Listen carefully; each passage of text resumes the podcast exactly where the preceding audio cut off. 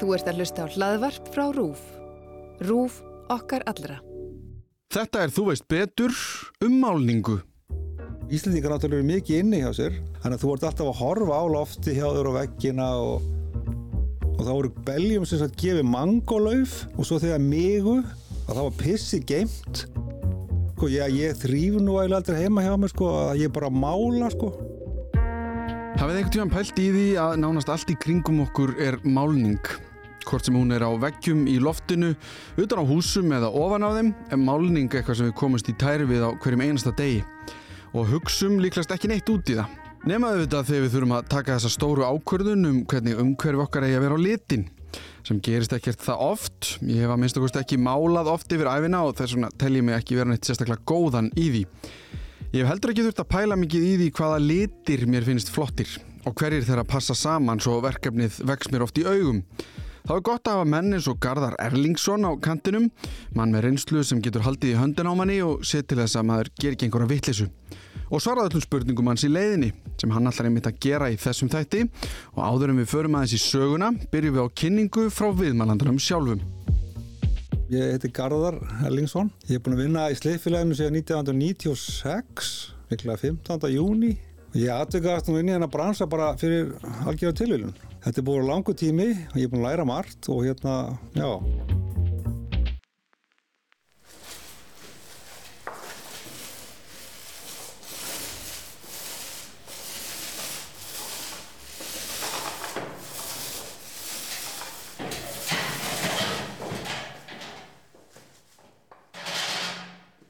Við getum alveg að byrja kannski bara á því bara hvernig ég bara kannski upplýði þegar pappi minn var að mála heimi á mér þegar ég var fimm ára og brasiði í kringu það sko. þetta verður líklega verið svona kannski 1970 og það var maður svona spekulera í umhverjunu og, og ég man að pappi fór eitt tíman í málningabú og kefti óalega fína málningu en hann hérna klikkaði eitthvað að blanda herði út í málninguna það þurfti alltaf að blanda sko sérstaklega einhverjum glæri herði til þess að málingi með ekki bara lesast upp undan tuskunni þegar mamma var að þrýfa sko. Mm. Þegar þarna var komið þá var þetta kannski svolítið svona bara mál að fara í málingabúð og kaupa sér hluti vegna þú þurftir að blanda þetta eins og verður að blanda bara sko, verður að búið til rauðvín eða eitthvað sko. Þú þurftir að vita hvað varst að gera Já, þú þurftir að vita það sko Já. og svo náttúrulega voru kannski hlutinni töluvert öðruvísi mm. þá voru kannski ekki svona margi litir eins og í dag sko Mm -hmm. þá var kannski fólk meira kannski bara með einhverja beinkvíta og, og mál, fólk kannski málaði ekki sko málaði kannski af hérna nöðsinn sko að því að þá kannski leit fólk kannski á málingu og, og svona það að gera fínt inn í á sér öðrum augum heldur en í dag Hvernig þá? Bara sem einhverja vörð? Nei, bara svona þegar fólk var að tala um sko ég, ég þrýf nú eiginlega aldrei heima hjá mig sko að ég bara mála sko saði fólk hérna áður fyrr Já En það er náttúrulega mjög skítið vegna þess að það er náttúrulega skítið máli að þú setja mála ofan á sko reynan flöt. Já. Þetta er eins og bóna skítum á bíl sko, það gengur ekki. Nei. Þú voru að þrýfa fyrst. En allavega, ég held að fólk hafi ekki verið að spá óalega mikið, ekki svo í dag sko. Nei. Ég maður þegar ég byrjaði í sliðfélaginu 96, vitandi mjög lítið málingu að þá var eitthvað svona nýkomið hérna, var fyrirtæki nýskriðið út úr svona einhverju pasteltímabili sko. mm -hmm. það sem allir liti voru svona námundun við einhverja liti með döfir sko. mm -hmm. og ég, þegar ég byrjaði þá var allt að fara í svona dökkaliti og bara svona tísku fyrirbreiði já eins og voru að gerast núna sko. svo fór allt í kvítt og svo kemur smá grátt og svo fikra fólk sér áfram og fer í grænt og raut og blátt og mm. alls konar En þessi málning, eins og þú segir að pappin hafi verið að mála Já. eitthvað, sjöldju eitthvað ef við förum þú kannski aðeins í að því að ef við tökum listmálun Listmálun Er það allt sama málningin? Nei Nei, af því að það er vassmálning, er það ekki? Og... Sko, getur eiginlega svona einfalda þetta Þetta er svona ákveðið miskilingur í gangi stundum þegar fólk er að tala um málningu mm fólk segja plastmálingu og sumir segja akrilmálingu og sumir segja vínilmálingu er alls konar svona orðnotuð mm. en þetta er eiginlega sko, þetta er eiginlega þrend, þetta er, þetta eru þrjú bindið sem eru algengust PFA, stýranakril og akrilat og þau eru mismunandi hafa mismunandi hérna eiginleika. Og framleiðendur eru að nota uh, þessi bindið efni mjög mikið í mismunandi dýrkerfi, dýrar línur sem eru að framlega. Þeir, eru með svo kannski þrjá, fjóra tegundur af málningu sem eru misdýrar, sem er henda misvel, kannski ein er eh, svona stofumálning, herbyggismálning, önnur er loftamálning og svo er hérna, þvóttahúsmálning og baðherbyggismálning. Þannig að þetta eru svona flokkar og í, svona áður fyrir sko, þá var þetta ekkert svona nákvæmt sko, flokka niður. Mm. Nú voru þetta svolítið eins og að fara á kaffihús og fá sér kaffi, hvað ætlar að fá þér? Það er bara 30 sko kaffidrykkir á sælinum. Mm En kannski þú var lapparinn í málinga á 1970, þá kannski var bara eitt gljástíg og notaði loft á veggi. Skilur þetta er svona, Já, sko ef við, ef við reynum að fara, að því nú er ég kannski ekki alveg inn í bara listasögunni en sko málverk eru kannski núna orðin 200 ára gömul eða eitthvað ja, meira. Já, og, og þú veist, ég hugsa einmitt, um, já, Leonardo Vinci var 6, 1600 og eitthvað ef, ef ég er ekki að fara með eitthvað fleipur en veist, málningin sem hann var að nota Já, vitum við hvað það var já, já, er það? Já, já. og er hún eitthvað lík? já, já, Já. já, já, sko myndlistafur, sko, til dæmis í svona túpu á olíulit, segjum það bara, Mm. að það var búið að valsa saman svona, þetta er, ég farið í svona vestmiði oft, sko, sé þetta gert þetta er svona millur, þetta er svona valsar sem valsa saman línolíu og litarefni og litarefni getur annarkvæmt verið jarðlitarefni eða annar staða frá og þegar þú segir jarðlítarefni Já. hvað, hvað er það? það, það, sko, er geta svona kannski svolítið gaman að segja frá því að, þarna tengis kannski þetta svolítið húsamálningunni Mm.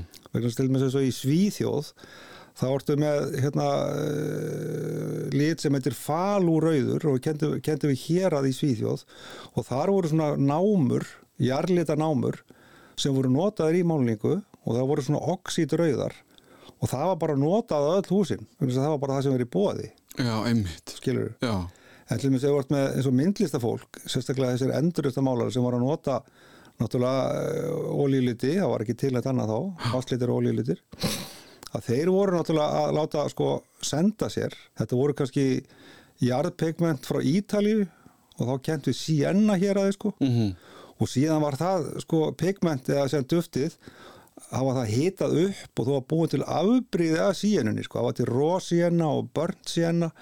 Og þannig að þetta eru svona ákveðin jarðlög í ákveðinu héröðum vísverið Európu sem litið eru oft kendir við mm. og þaðan koma kannski allir þessi jarðtónar skilur sem þeir voru að nota. Já, til dæmis eins og eitt litur sem að, sem að heitir hérna Indian Yellow og hann var búin til á Indlandi og það voru beljum sem gefið mangolauf og svo þegar migu að það var pissi geimt og þá tóku þeir pigment sem var svona, eiginlega, var svona glært eila og lituðu pigmenti með beljumhlandinu og síðan var það þurkað og síðan var það valsað út í línolíu og þá fenguður lit sem að heitir Indian Yellow þetta var gert sko, í alvörinni og hvað er línolía? Línolía er bara hörfræolía. Þetta er pressa hörfræ. Einmitt Þannig að þetta tengi svona einhver leiti líka svona hörfræ sem er notað í svona, og getur geft hörfræolíu í heilsubúðum sko. Já, já, Það er samt ekki alveg sama olían. hún er einhvern veginn öðru sér Það er verku sko. En sem þetta ástæðan fyrir það að línolía var valin í myndlistaförur, í olíumálingu, er svo að að þú getur sett öll litarefni út í hana sem þetta, hún, hérna, það er enga breytingar sko í, hvað maður segja í litnum sjálfum og hann þotnar náttúrulega kannski á fjóru-fimm dögum en litalægi sem stendur eftir það er svona svolítið sveigjanlegt mm. vegna þess að þeir voru búin að prófa al- alls konar aðrar oljur og þær voru annarkvæmt ólengja þotna eða litalægi var brothætt sko. þannig að línolían er svona mjög gott bindiefni bara fyrir ímislegt sko. og það, er, það eru óljumálverk ólígamálur, já. og síðan ertu með kannski vasslita málverk eða ef við erum að tala um málverk það er auglustast að dæmi einhvern veginn um, um þessa þegar málningu notu í listum en hvað erum við að tala um þar þá? Þar erum við að tala um líka svona pigment Já, sem eru notuð en þá erum við að tala um að bindiefni getur verið ímislegt. Það er oft sigurefni sem eru notuð, mm. dextrín og það er oft notað líka hunang í vassliti og stumi framleiðendur setja bara gummi arabikum sem er ákveðið eh, efni sem er unnið úr trjám sko Mm.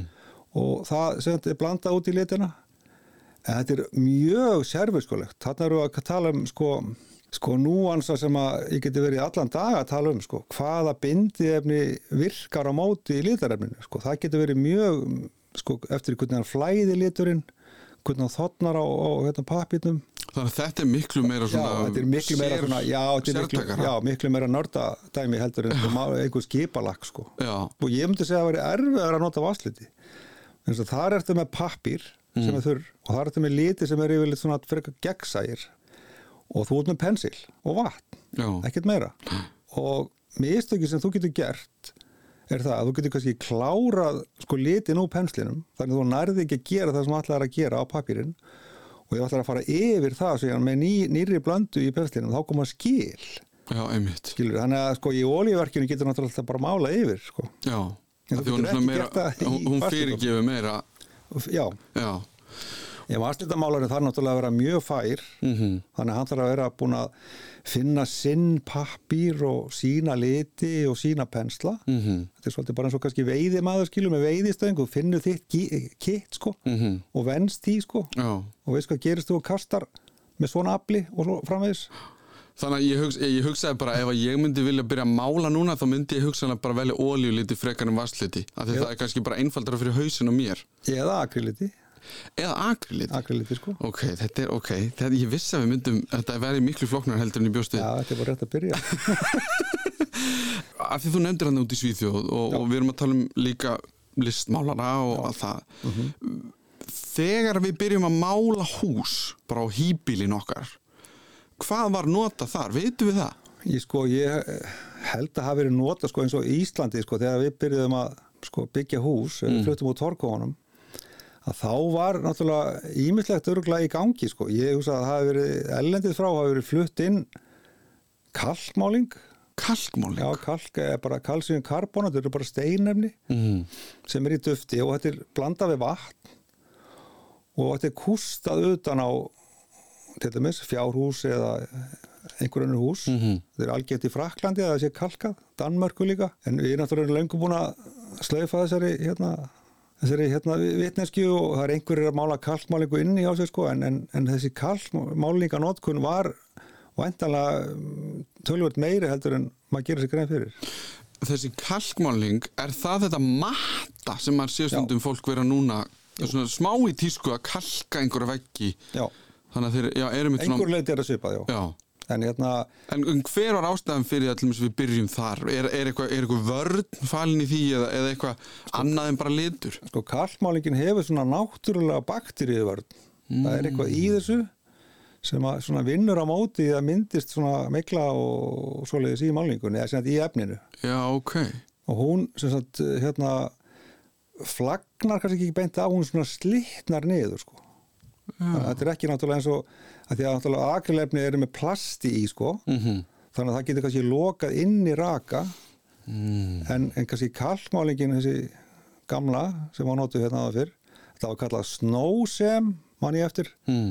þetta var ennþá til sölu þegar ég var að byrja í bransanum þetta var bara hrært út í vatni og kústað á og voru svona, koma svona gró kústað fyrir utan á húsin sko Þannig að þú eiginlega bara sópaðir húsið. Já, Þegar þú varst að mála, næstum, næstum því sko Já. En þú þurfti svo áfram að nota þetta og gafst ekki farið með eitthvað annað efni yfir aðeins að grunna þurftir að nota þetta bara þá alltaf á húsið þitt Og þetta er kannski þegar við erum að komast út úr maldakónum og erum einhvern veginn að byrja og þetta kemur utanfrá.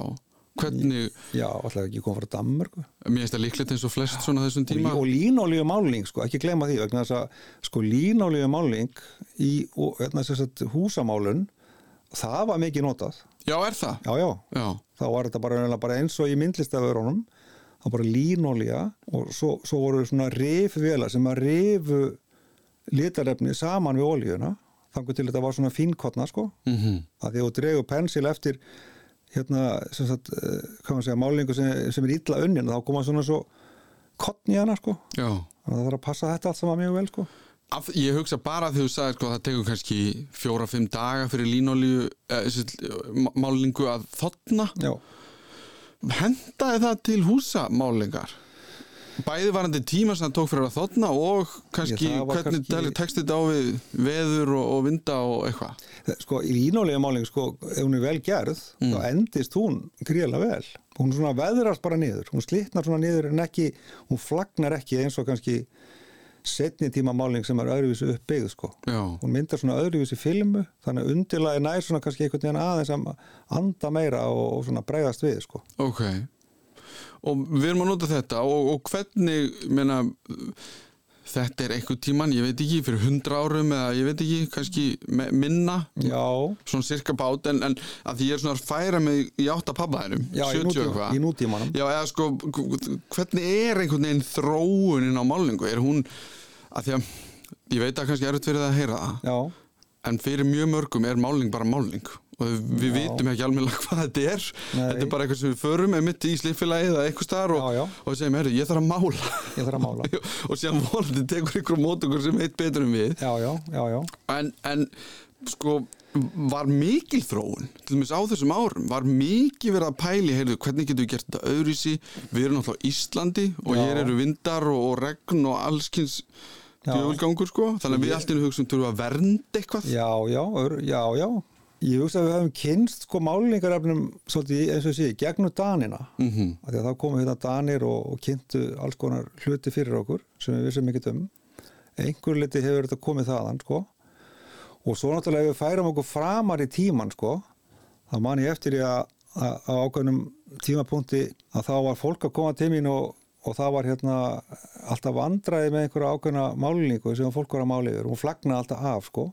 Og ég fór að rannsaka þetta og þetta var einhver ákveðin máling sem var ætluð að keflaugaflöðli frá hernum það komist bara einhverjir í einhverja málingu og þá bara skúpuðu því bara á allt sko. þetta var einhver svona græn fælega skýtir máling sem hrindi öllu frá sér Já, einmitt og ég fór í nokkur íbúður og, og fór að skoða þetta og var alltaf sama málingi sem blasti við sko. þannig að þarna kannski hefur einhver þekkt einhvern og retta á honum einhverju málingu frá hernum og þá var það bara notað. Sem átti þá kannski að þjóna einhverjum ákveðum tilgangi svo málning, já, öruglega. hugsanlega eitruð eða eitthvað, ég veit það ekki. Nei, En svo náttúrulega setni tíma náttúrulega, svo fara náttúrulega kannski að, að hérna, koma náttúrulega íslensku vestmiðjöðnar sko, þar byrja kannski, sko, stifilagi náttúrulega það er 1902 sem það er hérna stoppsett mm og byrja náttúrulega sem svona skipa með, með hérna sko slippin sko, nýr í 101 já, og gera við treskip og stifilagi fluttin timbur já, og setna fenguðu svo umboð og fóru að flytja inn hérna skipamálingu þegar að komu stálskip og svona til þess að anna því sko. Mm og svo hérna breytist þetta og, og þeir fóru að flytja inn þetta er mér ekki frá Svíþjóð minni mig sem þetta kemur, Svíþjóð og Norei sem er innflutningur er á svona málingarefnum mm. og þanga til að, að, að hérna að slipfélagið ásamt náttúrulega málingu og hörpusjöfn og, og fleiri aðilum sem að fara að búa til náttúrulega sína eigin vöru já, og náttúrulega í Íslandi voru náttúrulega fjórar vesmiður sko, menn það var slipfélagið, það var máling það var harpasjöfn og, og hérna nei, nei sjöfnfyrkið Mm. og harpa. Já, já, þannig að en, en sagt, eða máling er náttúrulega eina vesmiða sem er eftir í dag. Og framleiði bæði slipfélagsvörur og málinghafaförur já, já.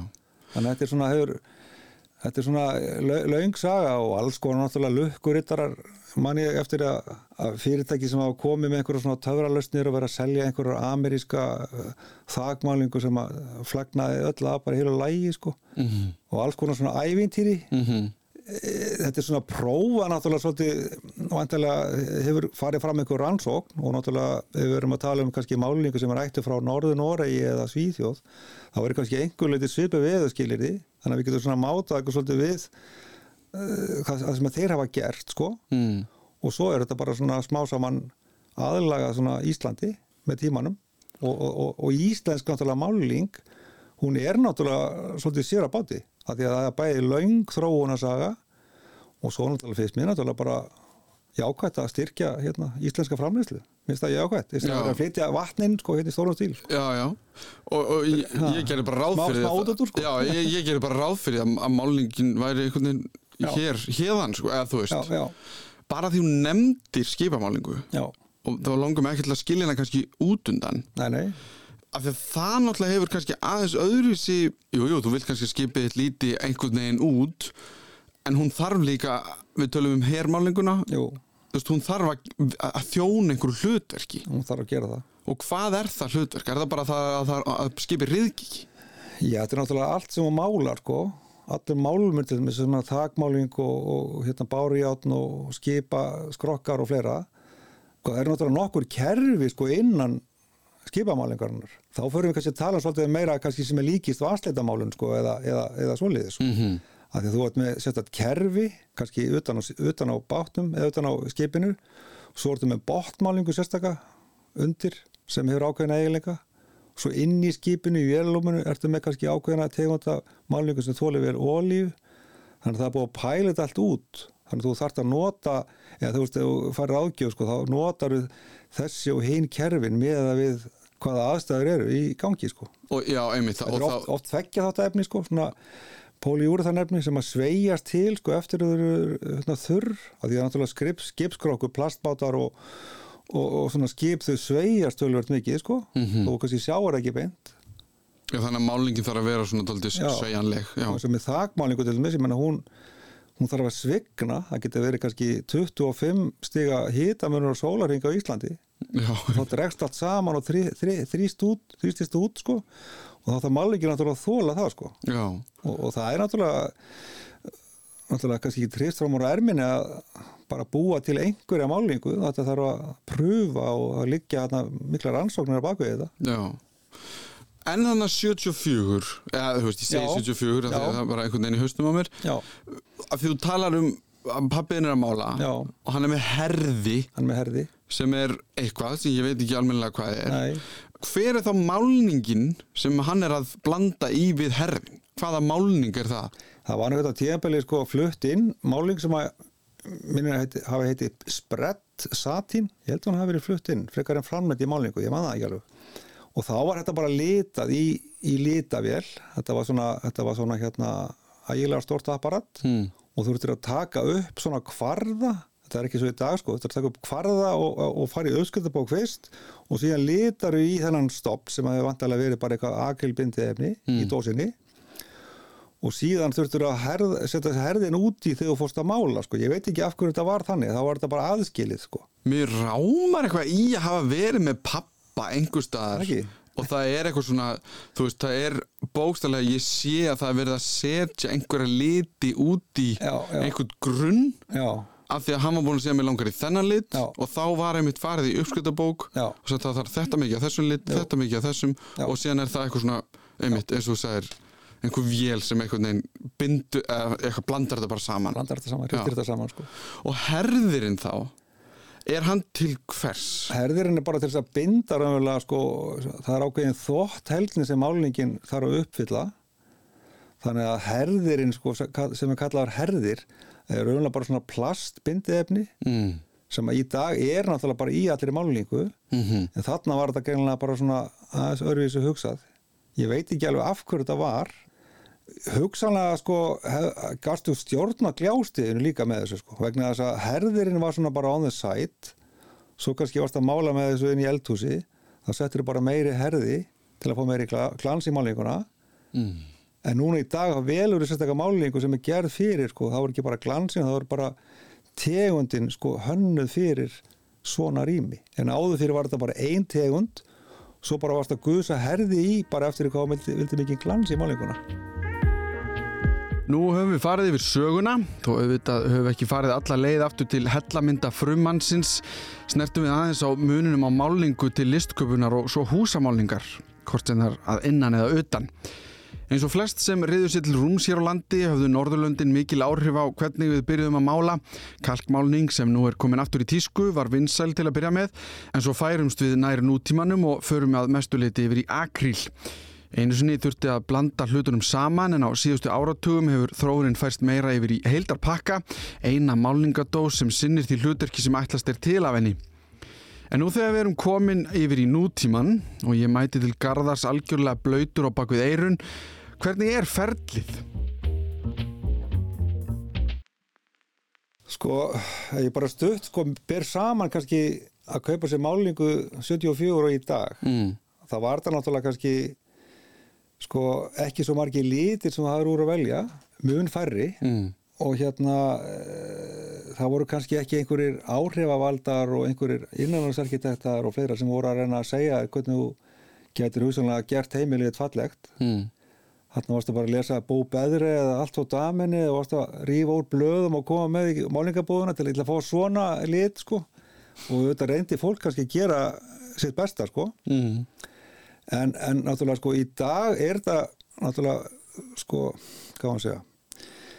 Þú veist það eru vatnaskíl sko. Vatnaskílinn kannski verða svolítið kannski þegar að, þegar að hérna akrilefnin eru nú það góð að þau geta farið að koma í staðin fyrir oljuefnin sko. Að því að fólk kannski í gamla daga sko eða þurft að mála eitthvað erfitt sko það var bara skipalakk á allt gólfið og bara ekkert mál. Svo bara fíla í marga daga og allir bara líku sko þurft að fara ellendis bara meðan allt var að tóna en, en í dag getur þú fengið efni sem að, sem að gera alveg það sama hafa svipað yfirbórsvörku en eru algjörlega líktalus Mhm. og hafa alls konar hluti umfram þetta gamla seinþortandi óljulakk sem að ég vantalega get til með að sjá fara út af markaðanum örglaður en ég hætti að vinna Af því að ímyndaði akri- mér. já, af því að akrilmáling er bara hún er bara aðal sko það er náttúrulega, já það er tilbæðið svona tveggja þátt akrilefni og þá er til póljúr þann akrilefni og það er búið að breyta sko efnunum og það er búið að styrkja þau með alls konar bindiðefni sem að gera þau kannski harðari og fljótari að þotna og henda kannski svona þessu nútíma fólki sem vill að gerist allt á klukkutíma sko. mm en kannski þegar ég fer og kaupi málingu þá er hún gegnum gangandi nema ég taki eitthvað annað fram akrilmáling Já, oftar en ekki, já. já, En náttúrulega ef að þú sko, sko þetta sölu starfið sko bara því að ég byrjaði sko það hefur breyst náttúrulega mjög mikið sko vegna þess að bú, búði mín til dæmis og sliðfélagsbúðina, þetta eru alveg svo fl- flottar búði sko. Þannig að þú kemur inn og verður fyrir svona áhrifum sko, sér svona einhverja hluti eða eitthvað sem þið langar í og langar að mála heima hjá þér sko, þetta var svona örfa náttúrulega fólk. Mm.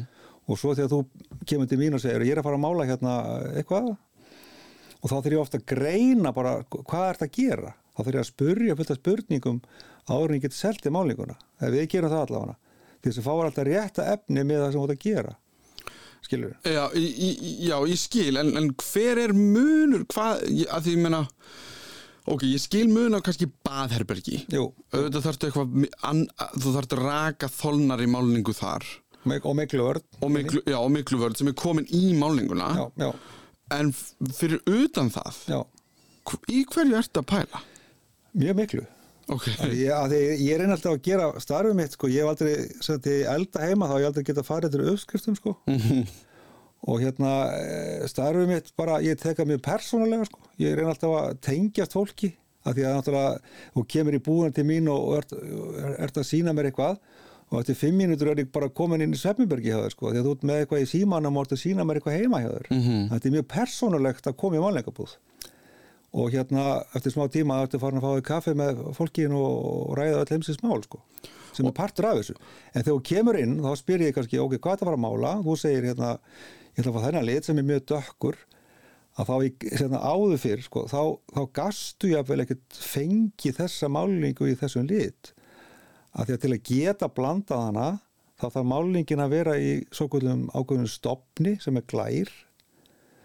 Og hérna áður fyrir það var fólk bara í mismunandi útgáðum að hvítu sko láfið mjög lengi. Mm þess vegna segi ég sko fólk var að mála kannski á nöðsin en núna kannski er það að mála að meiri ástríðu sko.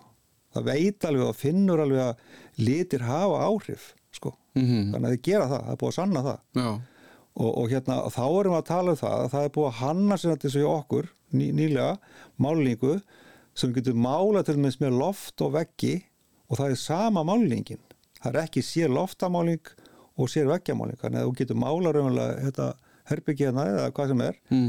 með sama efninu og þannig að hún er nógu mött sko til þess að geta verið loftamáling og hún er nógu sterk til þess að geta verið veggjamáling líka.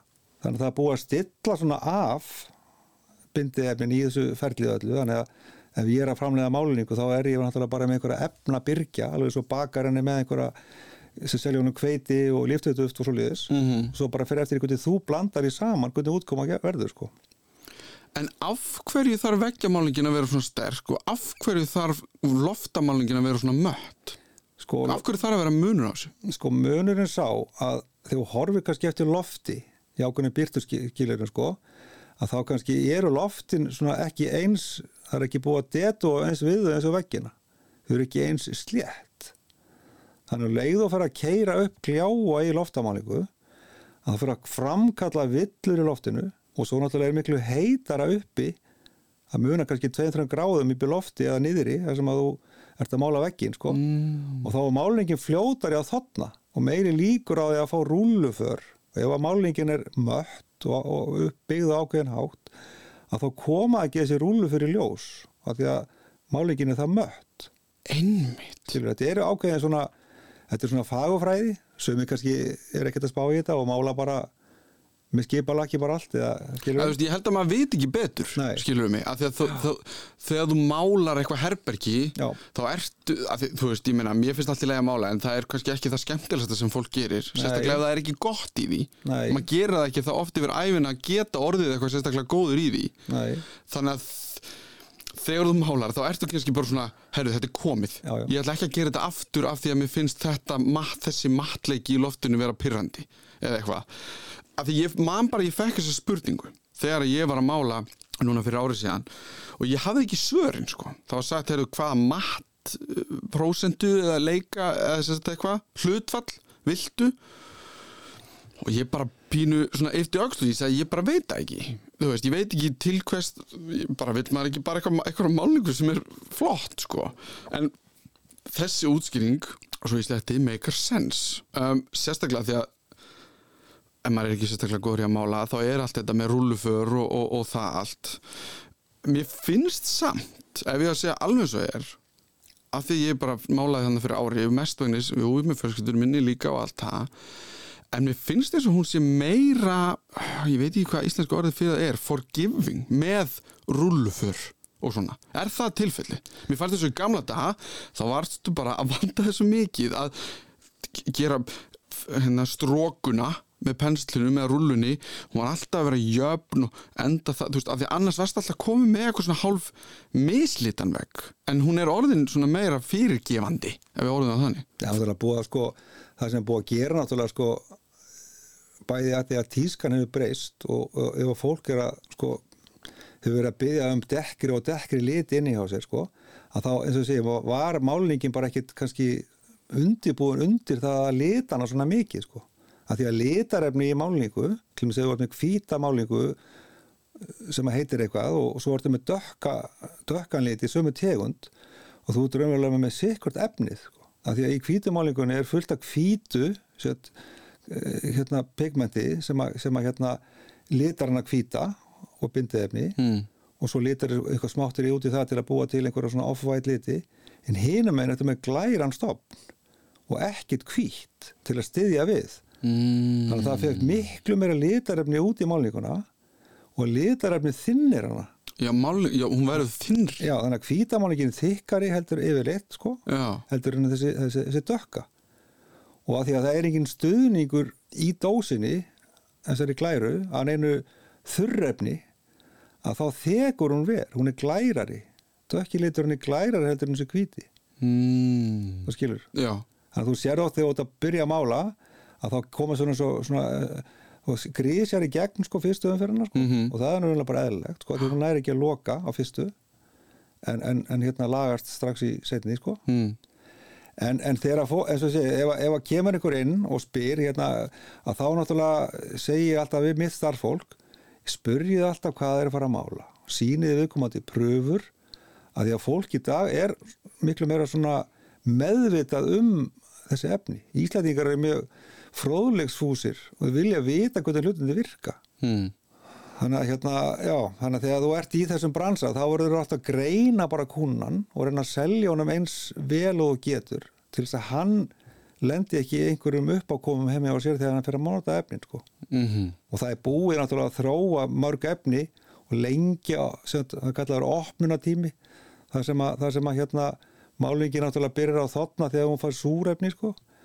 En þú getur rúla lengur úr henni sko á þess að komi för, það er svo að tala um að það á einmitt Þannig að hún er með lengri opnunatíma, það er búið að stilla hana þannig af, þannig að það er þægilega umgangast málinguna. já, Þannig að þú ert að geta bara að drekka fjóra botla kaffi og drífa þig bara með veggin sko. einmitt Þú getur aðeins bara slakað á sko. já, Og svo náttúrulega þessi yfirbórsharka og fleira sem er búið að auka, þannig að, það- að málingategundi margar í dag eru með tölvört meiri yfirbórshörku, þannig að það eru auðveldir að þvó og strúka og þá er kannski ekki að mála þetta veggin þó að komi eitthvað smá slís og getur bara náði af.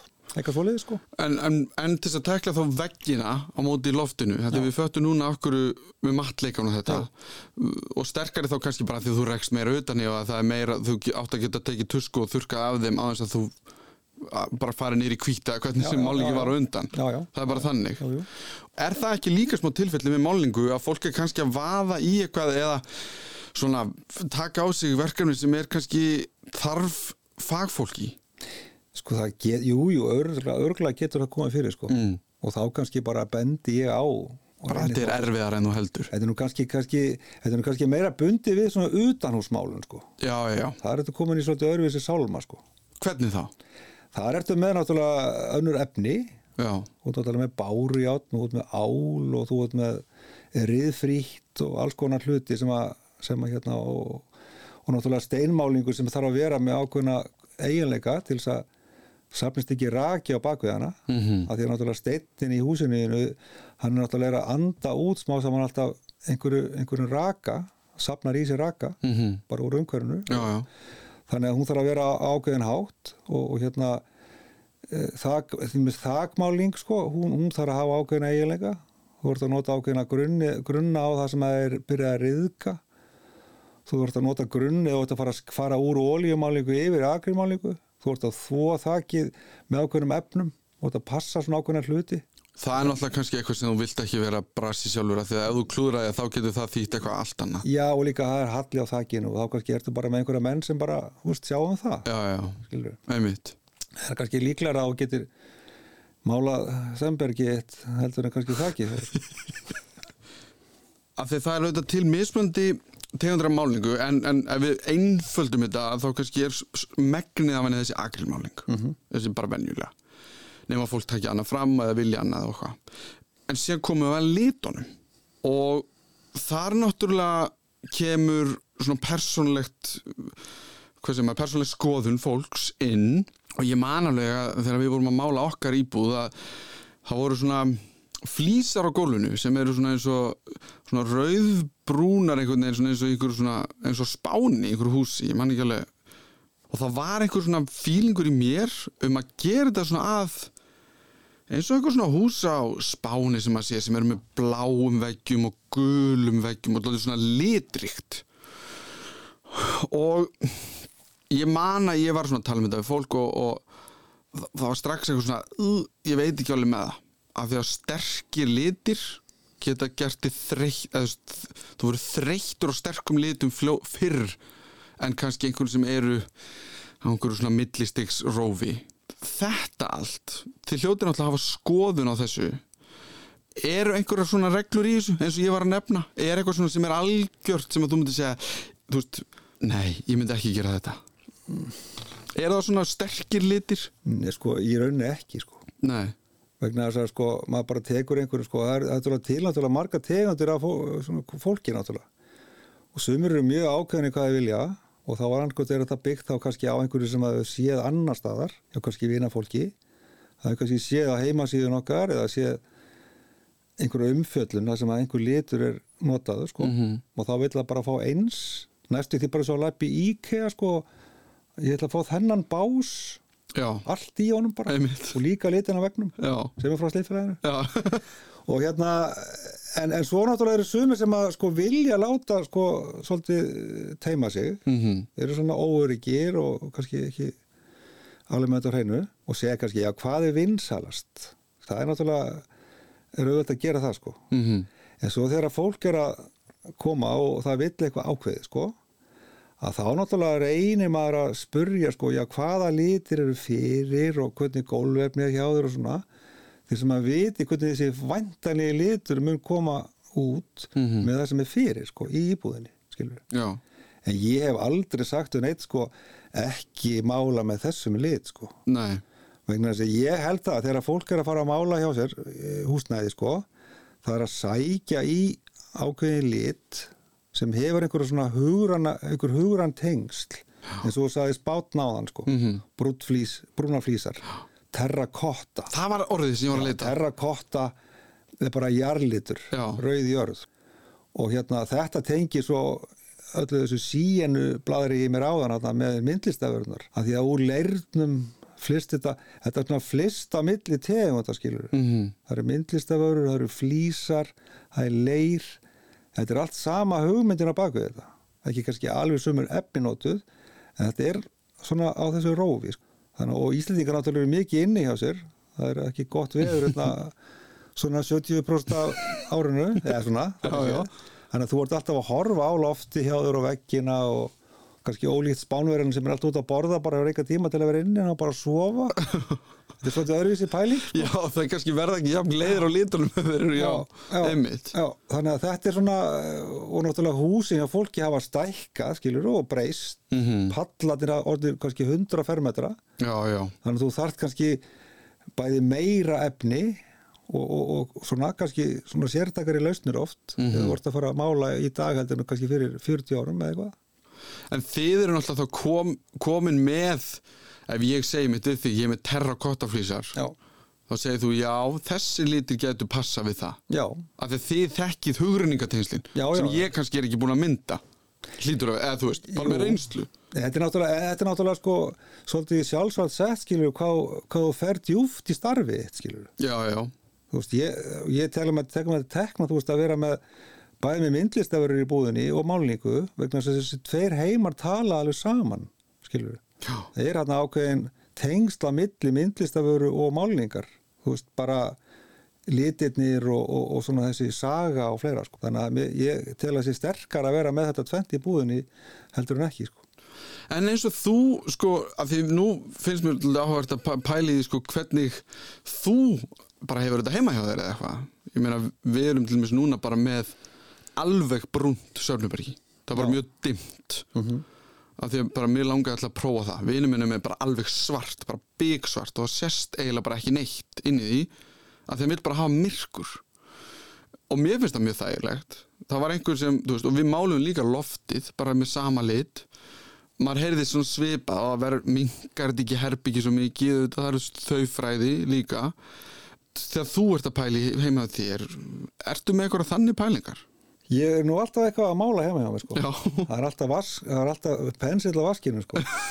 skilur við Já, en, en hérna ég sko ég held að maður sé líka svolítið í tímabilum bara vegna þess að maður leitar í einhvern lit kannski eftir að maður hvernig maður líður sjálfum líka maður er að ná fram kannski maður er kannski orkulaus eða, eða eitthvað svona þá kannski leita maður í einhverja sterka liti rauða eða eitthvað svona skilur og svo er grænt kannski sefberginu svona ráandi og svo framvegis. Þannig að þú getur alveg tengt alls konar hluti saman orkustöðvarnar og hitt og þetta. Já, Ég var gaman að hugsa þetta svona í víðun samhengi sko. Ekki bara að hugsa þetta sem eitthvað litakort, heldur bara er þetta svona, þetta er svona svolítið áþreifanlegt sko. og gæti þetta mættu við þá kannski fara að horfa þetta meira sem svona flæðandi þú veist, af því að það er smá bögg að ætla að mála aftur þú veist, þú ert að taka hluti niður og eitthvað en mættum við vera opnari fyrir hugmyndinni að segja, heyrðu, ef við ekki bara breytum lit hérna Jú, algjörlega og ég hvet oft fólk til þess. já, Það kannski eh, kemur einhver einstaklingur og hann, hann getur keft svona pröfudósir, hann getur prófa litin heima hjá þér. Það kannski er einstaklingur búin að taka kannski 20 pröfudósir sko. Já, kemur svo til mín alveg bara örþreytt, bara búin að spila á þetta öllum spilunum og bara ég geti þetta ekki. Og þá þarf maður að fara í sálfræðingin, sko. Þess vegna kem ég inn á þetta, þetta er ekki bara að selja málningu, þetta er líka svona sálgæsta líka í leiðinni, sko. Mhm. Fólk er alveg, fólk hefur grátið inn í búð hjá mér og fleira, já þannig að út af ýmsu, hérna, það er líka mjög erfitt að flytja og gera upp íbúð og eitthvað já, þú ert svolítið svona Já. sko. Og þá kannski fyrir að reyna á sambandi, veist, allt einhvern veginn í rugli, sko. þú ert að hitta fólk á mjög svona Já. Fragile tíma, brotættum tíma. Já, mjög sko. Og Já. hérna kannski eh, búin að elduslest í mánuð sko. Borðað skoðanir hvernig á að já. skilur allir allir pyrraði sko. Þannig að maður hittir fólk á einmitt svona ofta á svona viðkomum tíma. Já, Já. en er ekki of mikið af litum til? Er, er valkviðin ekki? Af því að stundum segja, ég mér finnst bæins bestu geggjaðasti veitingastæðurinn af því að þú hefur ekkert val um neitt annað. Þú getur ekki farað og sagt ég ætla að fá steik eða fisk dagsins. Það er bara pulsa og með einhverju vi- pilsa og með einhverju viltana sko. Af því ég stundum horfi, ég manal eftir að hafa hort á bæklingin og satt bara ég get ekki ákveðu hvaða litur hérna mér finnst flottastur. Að þeir eru bara of margir. Erum við ekki að skapa okkur vandamál með því? Í rauninni ekki, nei. Nei, Sko, þegar, sko, kannski einfaldast að leiðin, sko, áður um fyrir að mála, að þá náttúrulega fyrir það kannski að skoða, þú fyrir að skoða á internetinu og í dag náttúrulega getur þú farið inn á alls konar síður sem búið að setja upp einhverja liti saman eða eitthvað svona og svo eru tískulitir og alls konar í gangi. mælir á móti tískulitum Nei, nei, alls ekki. Ok, að þú veist þetta er svona eins og með nei. sem bara duttu þig á tísku og þá allt einstu með eitthvað fast á þeir sem að kannski En þú getur náttúrulega að mála alltaf yfir en það getur ekki, veist, það er dýrar að taka tattu Já, einmitt, já, ok, það er rétt það, það er málið, sko. Nei, alls ekki, ég bara finn bara hvar fólk er statt já, og, og ég reynir bara að leiða það áfram og, og, og segja bara ok, vilt ekki þá námunda kannski niður í kannski þrjá, fjóra liti í einu og kannski ekki vera að velja alla litina í íbúðin í einu, byrja kannski bara á að mála aðalitin mm -hmm. vegna svo ofta á kveiknar ykkur hugmynd á meðan þú ert að gera það sko það er kannski endilega gott að vera með 10 miljonar budget í nýri íbúð og klára það bara á mánuði vegna þess að þú ert ekki svona búin að búa þarna sko Já. það er smá tíma bara til þess að svona, þess að, svona átta þig sko Já. og þá kannski kemur einhver önnur hugmynd í ljós bara með því aðeins að slaka á og lifa tímanum að líða sko. Já. Það er líklegast aðeins persónulegra en fólk heldur að mála heima hjá sér. Og eins og í mínu tilfelli þá treysti ég skoðun og þekkingu þess sem að aðstóða mig að ég sé að taka réttar ákvarðanir. Að íbúðum mín enda ekki eins og sirkustjald nema það sé auðvitað ætlunin, ekkert að því. Við viljum ekki þrýfa veggin og málningin fylgir með í tuskunni en við viljum líka deyfa og jafna út ójöfnur sem er algengar að finna í lofti frekar en í veggjum Þar kemur glans og matleiki inn í myndina. Valmöguleikarnir eru orðnir fáralega margir, oft svo margir að það er nánast yfirgnefandi. En það er hugsanlegt að vandamálið sé hugafarið. Að við séum enn föst í þeirri hugsun að við getum ekki breytt um skoðun, málað upp á nýtt eða breytt einhverju. Að það sem er valið sé til næstu 10-20 ára eða bara þá vil að íbúðin eða húsið er selt. Við getum verið djarfari í litavali, nákvæmlega út af sömu ástæðu. Þó það sé kannski ekkert skemmtilegast í heimi að mála, getur það líka verið hressandi og upplýfgandi að mála eftir árstíðum eða skapi. Mér finnst það sjálfum frekar heitlandi hugmynd að minnstakosti. En hvað með framtíðina? Erum við komin á frekar góðan stað með málingu eða er eitthvað að fara að breytast?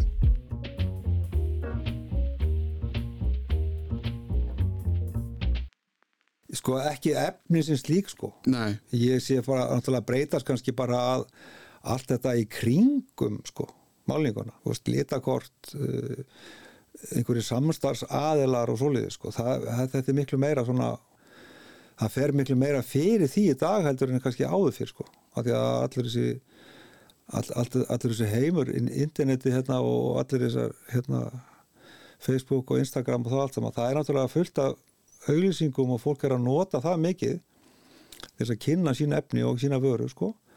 Og þá verður kannski fólk fyrir einhverjum hughrifum þar sko.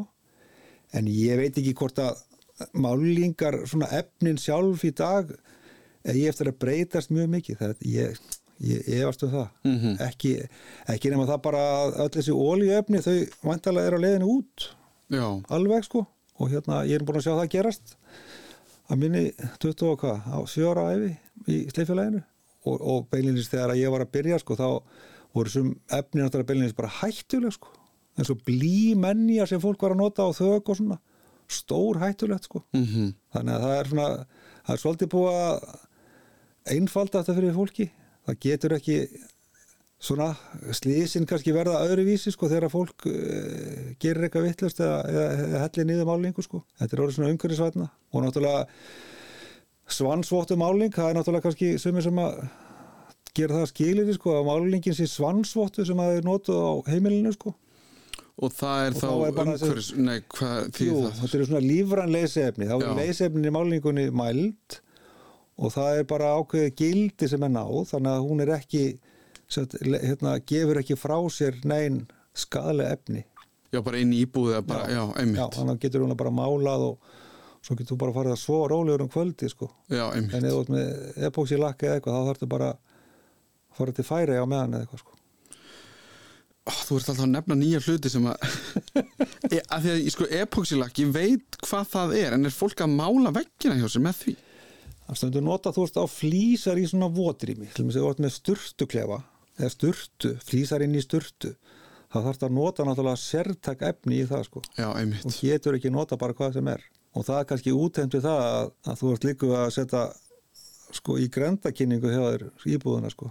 Af því að það er svo mikil mengun sko lykt og bara svona ónæði sko mm við Já, já, já. Þess vegna það maður að svolítið að hafa það baku eira sko. Maður mað getur ekki bara gert hvað sem er sko. Og náttúrulega umhverfis náttúrulega þátturinn náttúrulega við erum alltaf að reyna að, að hérna, fara vel með umhverfið. Og, og það er náttúrulega ekkit gott þegar að fólk er að kannski taka málingu einhverja bara og hella í niðurfalli á sér sko. Nei, nei, nei. Terpentínu og svoleiði sko. Þannig að þetta er alltaf minka mm og, og væntanlega kemur til með að verða meira eða minna bara varstinnanlegt sko þegar uppstendur já, Og bara í lokin, ef ég væri núna fyrir árið síðan kom með íbúð sem er búið að hreinsa allt út bara, og kýtti í veggi og, og, og gött og allt þetta, bara búið að strípana. Mhm. ef þú myndir fá þannig íbúð endur hvað er það fyrsta og hvernig vilt að fólk komi til því?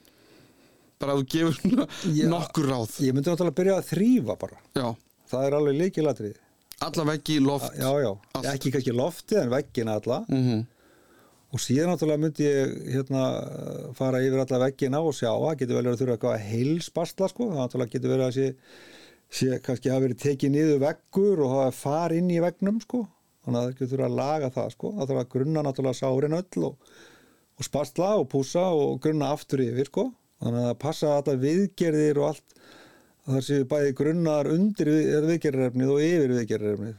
Það skiptir mjög miklu máli. Að því að viðgerðarefni þarf að fá rétt að viðlóðan þannig að það má aldrei setja spasl beint í steipu eða beint í timbur. Skilur, það getur bara komið bílun í þessa viðgerð sko. þannig að það er mjög nöðsynlegt að grunna allt sem á að fara að gera við sko. það er leikilatriði, þannig að þú þrýfur þú grunnar öll sár, skrapar upp sprungur og svona sko og svo fer það að gera við með tilræðan efnum, gott að sé agelgíti eða eða, eða spasl einhver sérstök, rakaheldspasli eða önnur, það er til að marga tegundir og við náttúrulega segjum bara fólki hvað er vanlegast að nota við þessar og hinnar aðstæðanar og síðan þetta púsa niður og svo grunna aftur og þá er umverulega íbúin tilbúin til þess að fara að mála hana sko. þannig að grunnur og viðgerðir og síðan ferða að mála -hmm. alls ekki þetta í öfur í röð sko. það getur komið í bakjaður alls konar vesum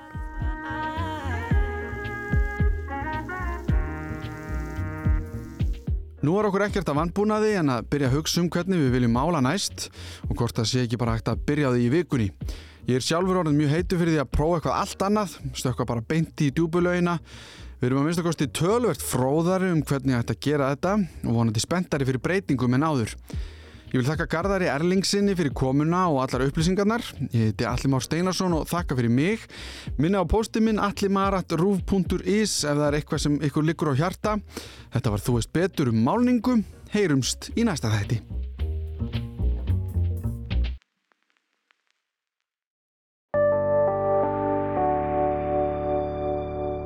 Rúf okkar allra.